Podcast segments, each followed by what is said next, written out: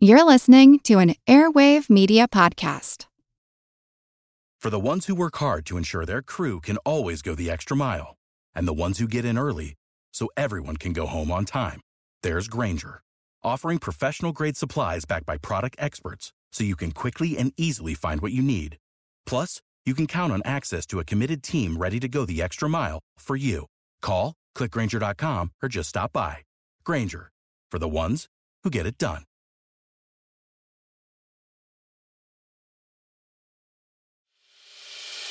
As a longtime foreign correspondent, I've worked in lots of places, but nowhere as important to the world as China. I'm Jane Perlez, former Beijing bureau chief for the New York Times. Join me on my new podcast, Face Off US versus China, where I'll take you behind the scenes in the tumultuous US China relationship. Find Face Off wherever you get your podcasts. You're listening to an Airwave Media Podcast.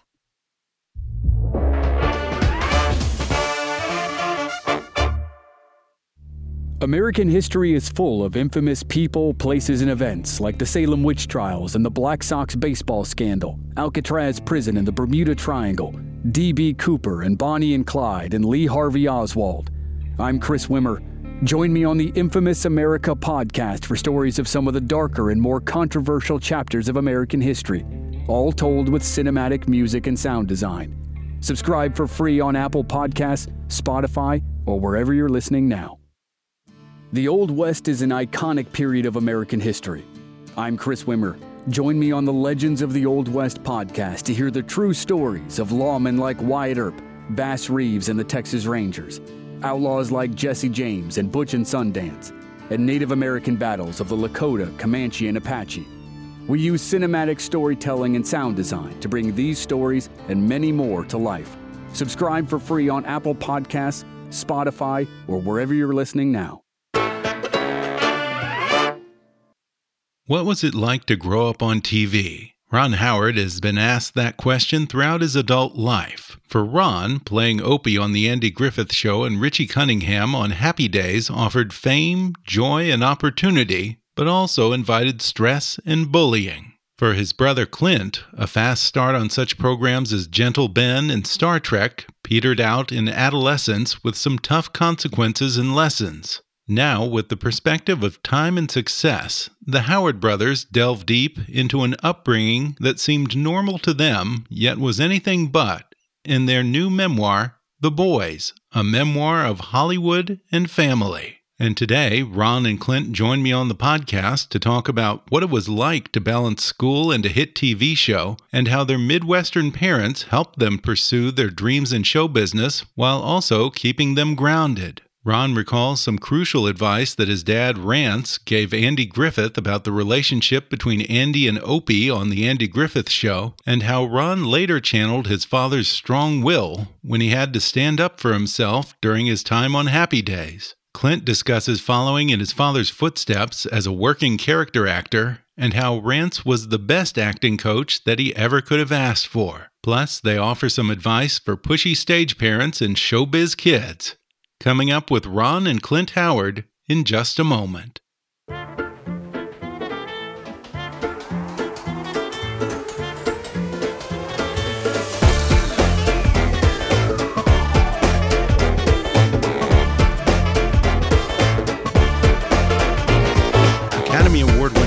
Filmmaker Ron Howard is well known for his roles on The Andy Griffith Show, American Graffiti, and Happy Days, and for being one of this generation's most popular directors from the critically acclaimed dramas A Beautiful Mind, Frost Nixon, Rush, and Apollo 13 to the hit comedies Parenthood and Splash. He has created some of Hollywood's most memorable movies. His brother Clint Howard is a character actor who began his acting career at the age of three when he played the role of Leon on The Andy Griffith Show, and then he starred opposite the titular bear in the popular late 60s CBS series Gentle Ben. He has since gone on to act in over 200 TV shows and films, including just about every version of Star Trek, as well as Apollo 13, Seinfeld, Rock and Roll High School, Arrested Development, and The Water Boy. Now, the Howard brothers have collaborated on a new book that chronicles their early years in show business. It's called The Boys, a memoir of Hollywood and family. Ron and Clint, welcome to the show. Well, it's good to be here, Ben. Oh, by the way, Clint started at two. And speaking for my younger brother, you left out a lot of those cool horror titles like uh, Ice Cream Man. And uh, what are some of the others, Clint? Evilspeak. I, I had a wonderful. I was, I was the lead in Evil Speak, and I was also in the movie I, I, was really proud of this performance. It was ticks. Now, I'm not talking about the mammary gland. I'm talking about the insect. okay. Uh, okay. We're going to have to have a Clint Howard Halloween screening, I think, here. I love it. Well, guys, how long have you two been talking about working on this book together? The conversation really began for around our father's memorial service, which Clint and I curated and put together. And of course, that brought us together in his in our family home, his his home where he passed away. And we, you know, we began talking about the idea of how, well, just how much our parents had meant to us. Uh, we're looking at photos, we're finding home movies, and recognizing, you know, a lot about their journey and their their impact on us. And I shared with Clint that there had been some publishers and editors reaching out to me in recent years and saying, you know, would you would you consider a book? And I've I've never been interested. I once broached it with Tom Hanks. I said, "Do you think I should just do this?" You know, and and he said, "Yeah, but only your childhood." He said, "You know, your your adult career is spectacular." But you know that's not that different than a lot of other careers. You know, you and Clint and your childhood that was unique. I shared that with Clint, and we basically honestly felt like that, you know, it'd be great to look back, be good to share our journey. People always want to know how we survived it, what was it like? And it's a way for us to be able to also write about our parents. You know, they're interesting. And as we looked at them from our adult perspective, very unlikely kinds of heroes, but in our minds, heroes nonetheless. Yeah, Clint, your parents were actually Okies who used to refer themselves in here as sophisticated hicks who came to Hollywood.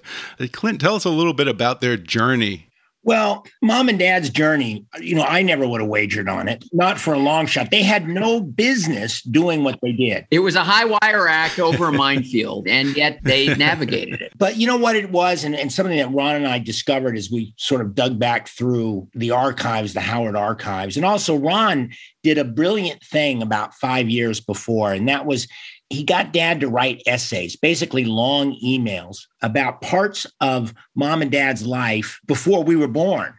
And dad enjoyed doing it. In fact, I think Ron and I always bugged dad to write a book.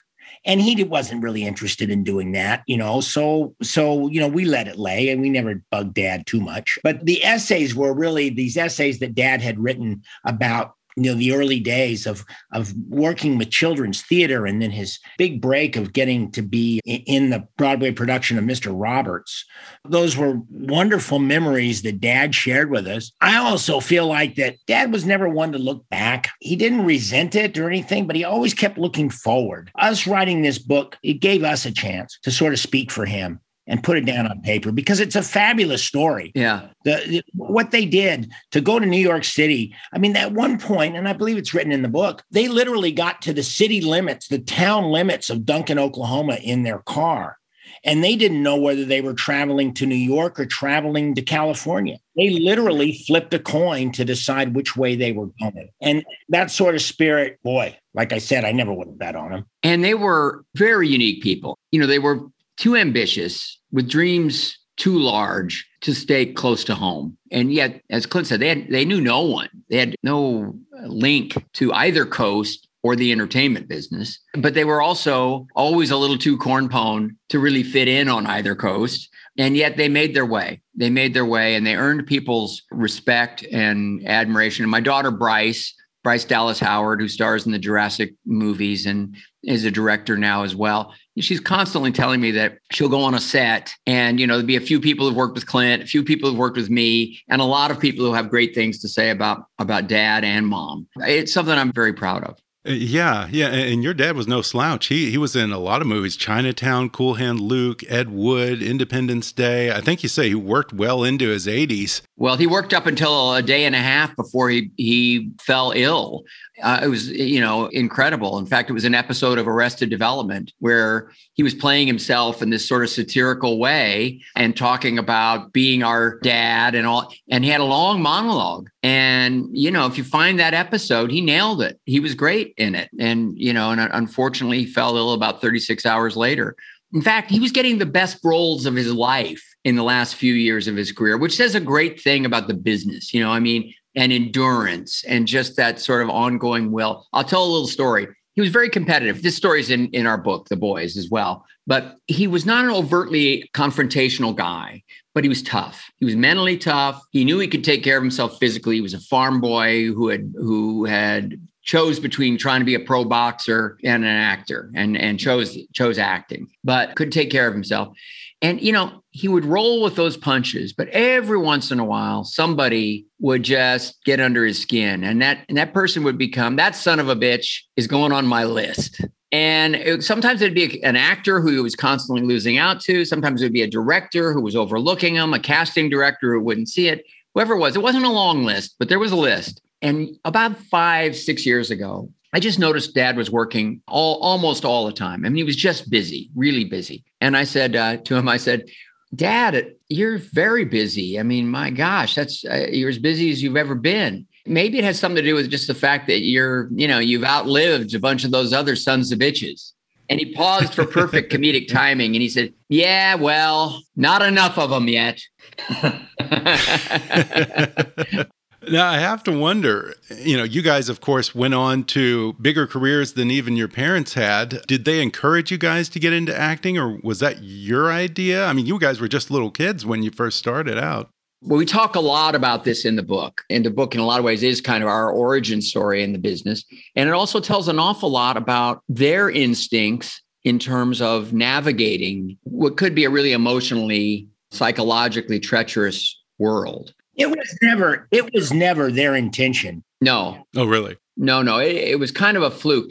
My dad was directing a lot of theater by the time I was sort of two and a half, three years old. So I was growing up hanging around the summer stock rehearsals, and they noticed that I was picking up on the dialogue and I was mimicking it. And my dad thought that was kind of funny and took one of the scenes and we pulled it together into something that we could sort of do as living room entertainment for their pals. And I, I remember doing it. I remember getting laughs, and it was one of my earliest memories.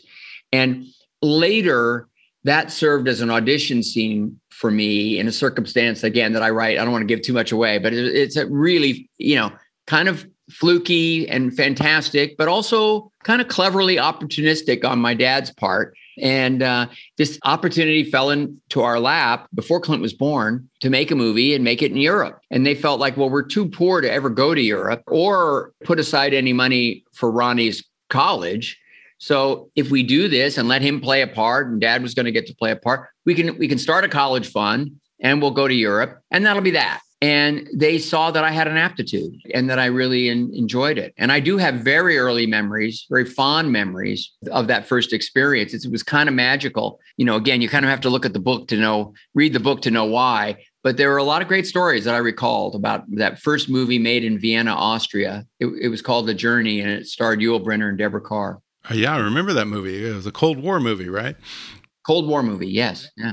Yeah, that was a good one. Now, you guys talking here about having two sets of homework at night because you both had series on TV and had school during the day. So, you know, you had your real homework when you went home, and then you also had the homework of running your lines for the next day's shoot. And apparently, I guess your dad was pretty skilled acting coach. Clint, what kind of things would he teach you boys? He was a child actor whisperer, as we coined it in the book. It wasn't that he was teaching us the lines, he was teaching us the scenes and teaching us the characters.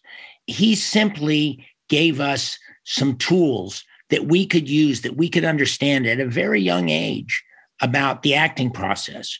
Know where you've been. And when you enter a scene, you know what you want. Everybody has a motive. What are you trying to get? And then where do you think you're trying to go? And these simplistic things that dad instilled in, in me and Ron. I see I had a huge advantage because I got to watch dad work with Ron and I learned the business by osmosis. To me, it all was completely second nature. I mean, I'm sure Ron had a figuring out process. I just didn't have it. I mean, I, I saw my big brother doing it. And I, was, yeah, I can do that. A little bit like growing up in the circus, let's be honest.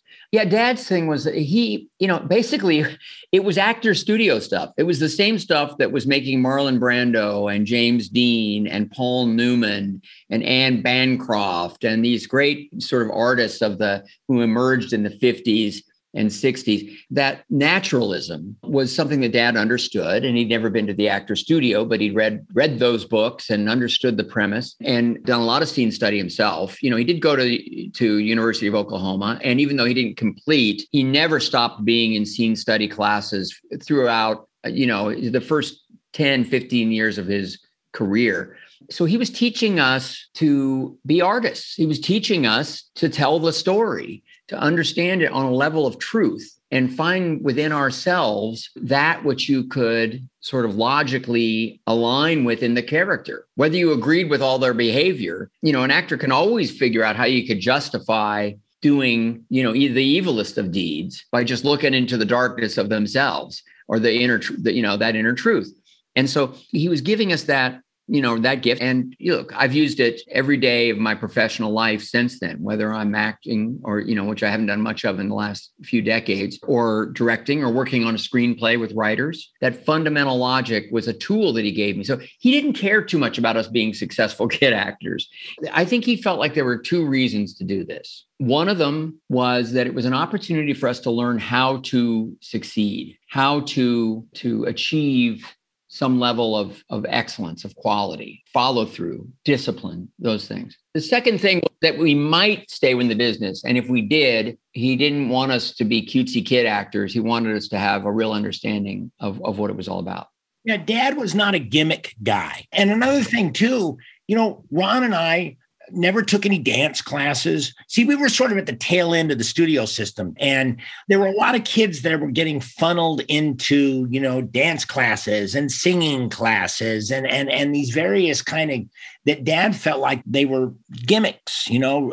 Dad dad wanted us to be real. Dad wanted us to be boys. So, you know, in our off hours, we played wiffle ball we played over the line we played organized sports you know we we we did those things now as a 62 year old man i regret the fact that i don't have my dancing lessons i don't know how to oh we can always be arranged clint That's true. I take a few lessons.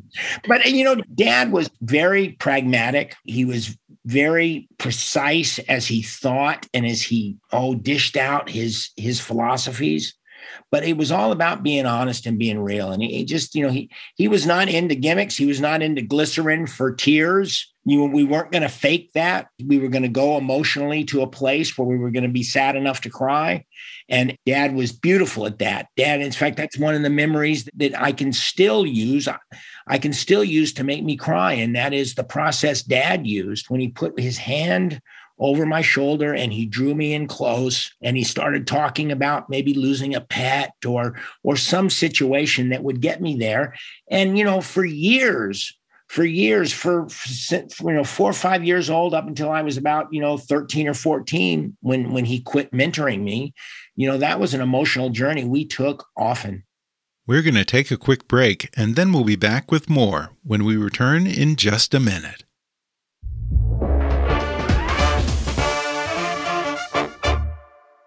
We have one goal on the Investing for Beginners podcast, and that's to spread education and foundational investing knowledge to all listeners of all backgrounds. If you're looking for eye opening guest interviews, simplistic breakdowns on current market conditions, and teaching of core investing concepts, you've come to the right place. If you're anything like us, the hardest part of investing was getting started, and that's why we're here. The Investing for Beginners podcast is focused on laying the educational groundwork to teach you how to invest your money to work for you and to allow you to jumpstart your financial independence journey. Subscribe to the Investing for Beginners podcast on Apple Podcasts, Spotify, or wherever you're listening right now.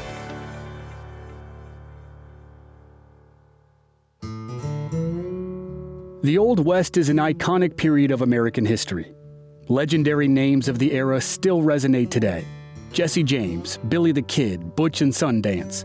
Wyatt Earp, Bass Reeves and the Texas Rangers, Sitting Bull, Crazy Horse and Geronimo, and many more.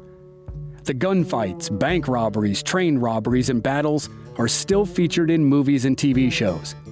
But on the Legends of the Old West podcast, you'll get the true stories. And I promise the true stories are just as action packed as the movies, if not more so. I'm Chris Wimmer. Join me for the only in depth, long form storytelling podcast dedicated to the Old West that'll give you the true story with cinematic production value enhanced by music and sound effects. Find Legends of the Old West on Apple Podcasts, Spotify, Pandora, Amazon Music, or wherever you're listening now. Yeah, I like what you said about how, you know, your childhood and your extracurricular activities, they weren't tailored just to fill out the added uh, additional skills section on your resume. Karate and dance and sing. I, I, love what you said about how he was sort of the the child actor whisperer, and apparently you say in here that he was also also had some pretty good advice for Andy Griffith when you were on the Andy Griffith show, Ron. And that advice that he gave really kind of changed the dynamic between the characters of Andy and Opie and sort of the whole tone of the show. Uh, can you tell us what Rance said to Andy Griffith? Yeah, that, the whole thing was incredible. That's a key moment, such a pivotal moment. And both he and mom had a lot of confidence they were betting on themselves. They believed in themselves. And, you know, when I talk about that high wire that they walked across the minefield, well, you know, they made a lot of good decisions to keep their balance. And in retrospect, that's the one thing I can look at and say, sure, they had some luck. We all did. Of course, there was some good fortune, but they just had the presence of mind and the sense of logic to make good decisions. Like early in the show, I think it was the, the very first episode, we would do this read through of the Andy Griffith Show, all the actors around the table. And I was too young to be able to read at that point. So for the first year or two, my dad would read. And of course, people knew he was an actor and an easy guy to get along with. So he was included in the inner circle. But as everyone was on a break afterward, and all I remember is my dad going over there and talking to them. Everybody was sitting around smoking. My dad didn't smoke, but they were all sitting around there smoking outside. He went up and talked to them. I didn't know what the conversation was about. And years later, Andy Griffith told me dad had never said a word about it. Andy said that very first show, he said, Rance came up to me and said, You know, Ronnie can do these jokes, but they're written like every other sitcom where the kid's, you know, a wise ass and makes fun of the dad. And I don't know, you know, Ronnie can do that, but wouldn't it be interesting if Opie actually respected his dad? That'd be different, wouldn't it? And Andy thought about it and he said, you know, they had witnessed my dad working with me on the pilot episode, which had been a spinoff of the Danny Thomas show. They, they knew a little something about our relationship. He went to the writers and he said, why don't we make this be more like, like Rance and Ronnie? Why don't we make Andy and Opie more like Rance and Ronnie? And Andy told me that decades later. But to have the presence and the confidence to come up and make that suggestion to a bona fide star. You know, Andy was a movie star, a Broadway star, a radio star, and now a television star. And yet, you know, Rance Howard was willing to go up and pitch an idea. And he was 32 years old. He was not that far removed from the pastures of Oklahoma. You know, he was fearless mom and dad had a tremendous amount of confidence. And I, when I was little, I sort of thought it was maybe blind confidence, but they were, they were very confident.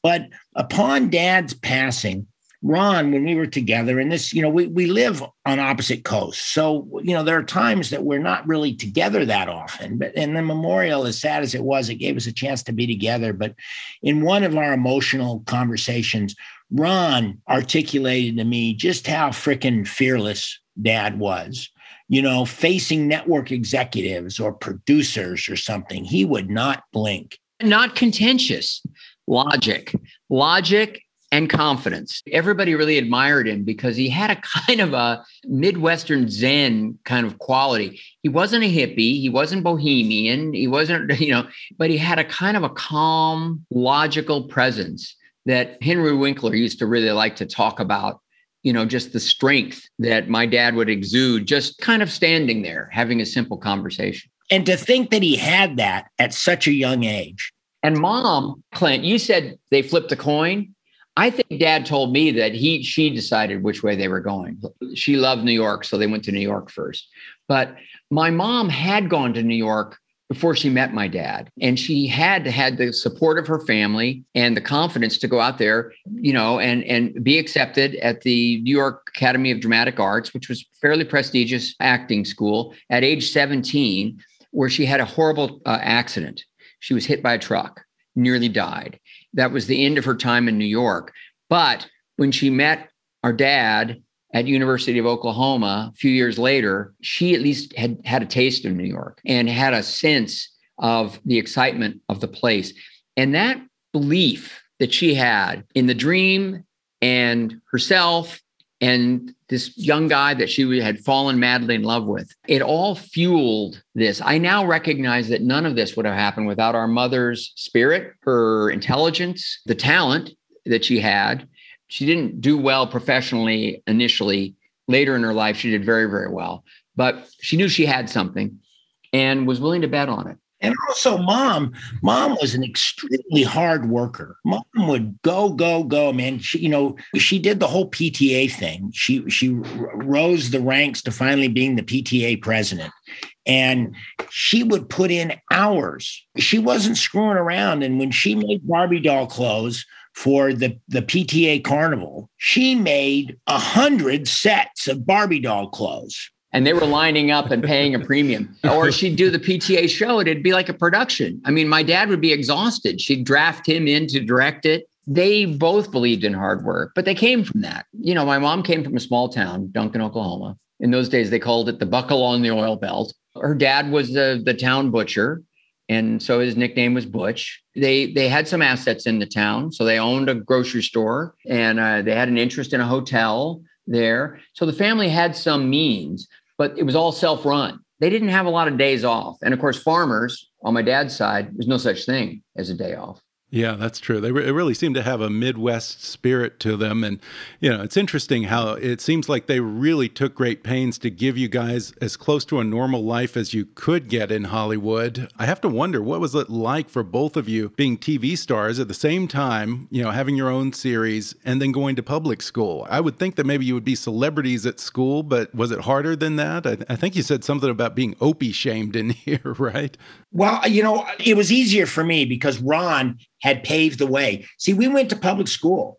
We went to the same, we went to Stevenson Elementary, Jordan Junior High, and Burroughs High School in Burbank, California. I was five years behind him.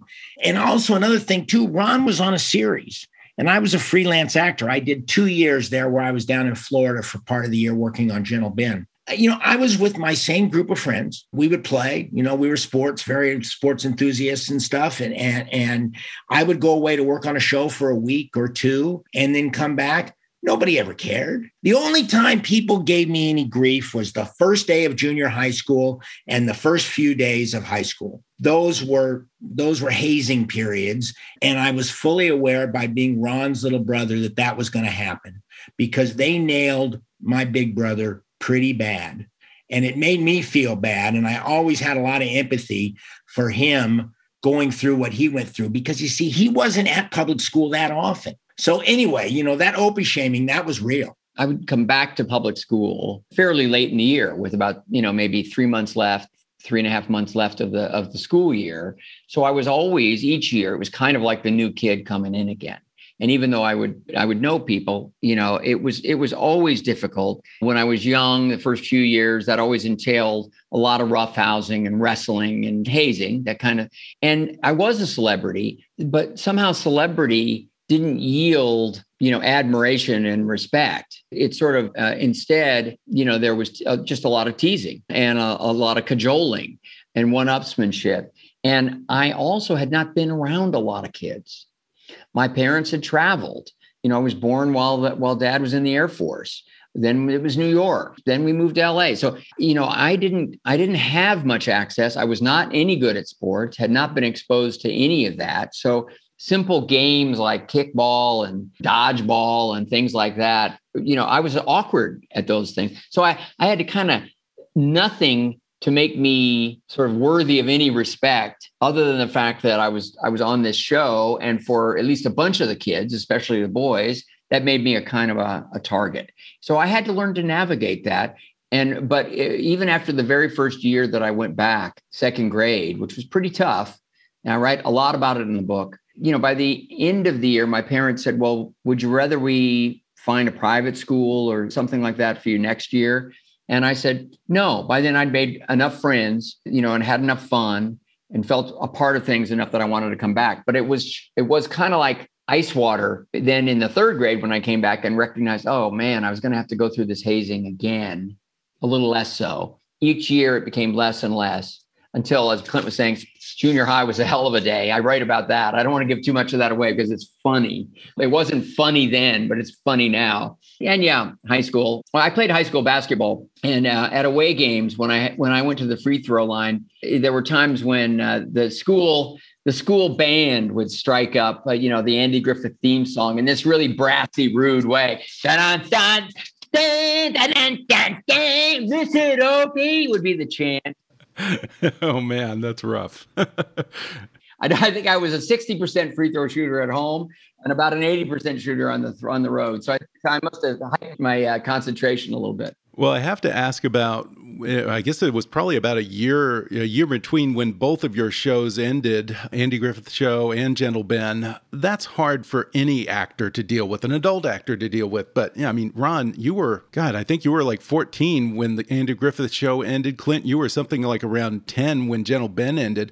I mean, what can it possibly be like for a young child or an adolescent to try and process, you know, the fact that all this celebrity and all the success has come to a pause, maybe not an end, but a pause, and you don't know when, you know, you're going to get that again. I mean, what was that transition like for two kids? Little League baseball. I so immersed myself in team sports and just getting better. I was a pitcher. I ended up being good enough to pitch high school baseball.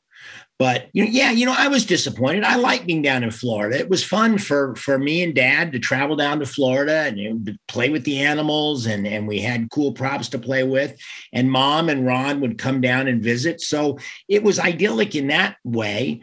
But no, I don't really recall ever feeling bad because listen, I did. I had Little League baseball to play and a lot of episodic television to do. I started doing Streets of San Francisco, and so I don't, I didn't feel like I really missed a beat. I uh, I cried my eyes out, and it was very embarrassing. Uh, you know, at the wrap party of the Andy Griffith Show, it was upsetting because that was eight critically significant years of my life. It really was my childhood. Certainly, it was my my boyhood in a lot of ways, in a very significant way. But you know, the other thing that I learned working on the book was that while I had a difficult period where I began to realize not so much that I was I wasn't depressed or angry. But I began to realize that if I wanted this for the rest of my life, I was going to have to compete. That having been on the Andy Griffith show or been in the Music Man was not a ticket for the future, not a guarantee in any way, shape, or form. And look, the business is kind of set up to really threaten the emotional stability of child actors. And you see so many cases where, you know, that takes its toll mom and dad were great at working with us. There's also an element of luck finding good roles at the right at the right time. But you know if i glance at my imdb page and look at the range of work and all it sort of seems like a foregone conclusion that that kid would wind up directing beautiful mind and getting an award and that makes sense. But it was not a foregone conclusion. And so i do characterize this book as among other things a, a, kind of a survival story. I also think it's it's a bit of a, a parenting how-to book, as well as you know uh, what I hope is a really enjoyable kind of nostalgic look back for people who know those shows and are curious about what movies and television was like behind the scenes in those days. Uh, yeah, and there's some wonderful memories from the sets of both Gentle Ben and the Andy Griffith Show and Happy Days and all that. Thinking of Happy Days here, it's interesting what you said a moment ago about how tough your dad was and how he stood up for himself when he needed to. And it made me think of a part in here when you were on Happy Days and uh, Henry Winkler's character, the Fonz, really caught fire with audiences, and the network was trying to revamp the whole show around the Fonz and give you short shrift. Was that the first time when you, you felt like you really had to kind of, you know, embody your dad's spirit there and flex your muscles as a star and stand up for yourself? Yeah. And strangely enough, I don't think dad was necessarily a proponent of taking that position. I think my mom felt that a little more than he did in a funny way because there was a, a logic, there was a business logic to everything that the network was doing. I mean, my God, Henry Winkler and the Fonz, that's a phenomenon And of course, you know, you build upon that. Even I understood that. It wasn't about the size of the part at all. It was sort of about the way I was being treated. And when they wanted to change the title, the name of the show, I felt like that was not what I signed up for. And I always had a nagging pull to get back to film school. And I, I almost thought this is a sign that I'm supposed to go back to film school because my real dream here is to be a director. And that was already firmly established in my mind and in my heart at that point. And so I was kind of emboldened to sort of say, well, if if if this can't work. Now, by the way, contractually, I think they could have made me do a show and called it Fonzie's Happy Day. I, I don't think I had any any control over that in my contract. But Garry Marshall was such a remarkable boss and so supportive that he he ultimately backed me when he knew that that was going to be a divisive I- issue for me. And i was you know always grateful for that. Grateful also for the friendship and support and wisdom of henry winkler who immediately became a kind of a big brother figure to me. And he and i were always you know all, it was a, such a blessing to, to have this friendship. It was never personal never yeah, yeah, I know Henry, and I swear I've never heard one person say a bad thing about Henry Winkler his entire career. He's just a mensch, isn't he? Well, and he's earned that. He's earned that, uh, and it's real. Real quickly before we wrap up here, Clint, you know, you have gone on to have this, you know, amazing career as one of Hollywood's best character actors, 200 something projects. And I'm, I'm curious because your dad had a very similar career. In a way, you kind of followed in his footprints you know, and for me, some of my favorite actors tend to be the character actors like you or Bob Balaban, Stanley Tucci, more than the big stars. So I, I, have the greatest respect for character actors.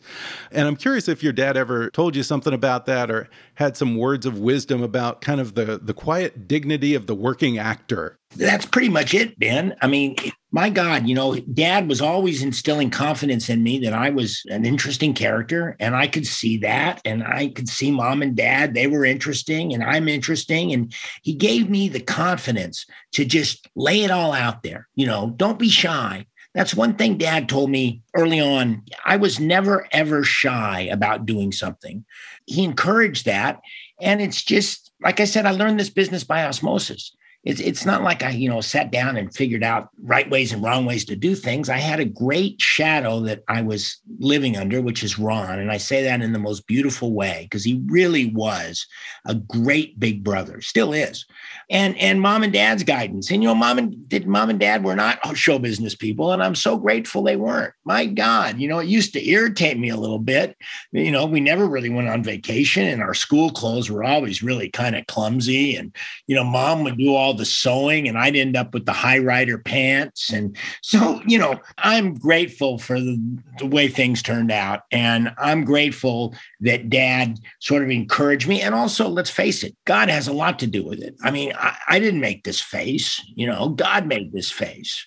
I'm just lucky that, you know, there's a spot for me. And I was, I've been very neurotic in my life. And yet I learned about, oh, about 20 years ago, 25 years ago, there's going to be a place for me in this business. I just got to keep doing what I'm doing and, and work hard and allow people to be entertained by me. Well, this book is just a wonderful tribute to your parents, and there's some great advice in here. Again, the book is called The Boys, a memoir of Hollywood and family.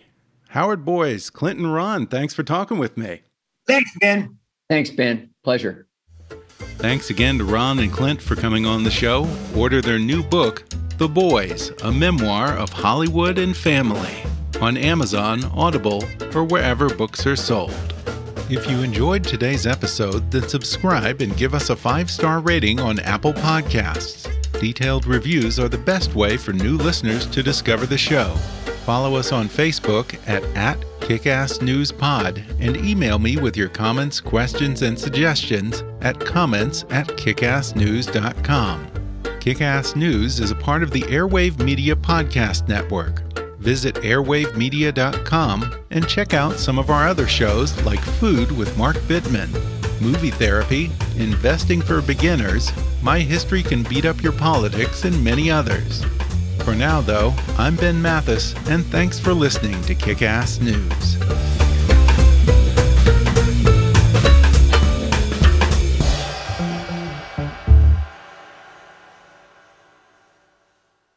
An Airwave Media Podcast.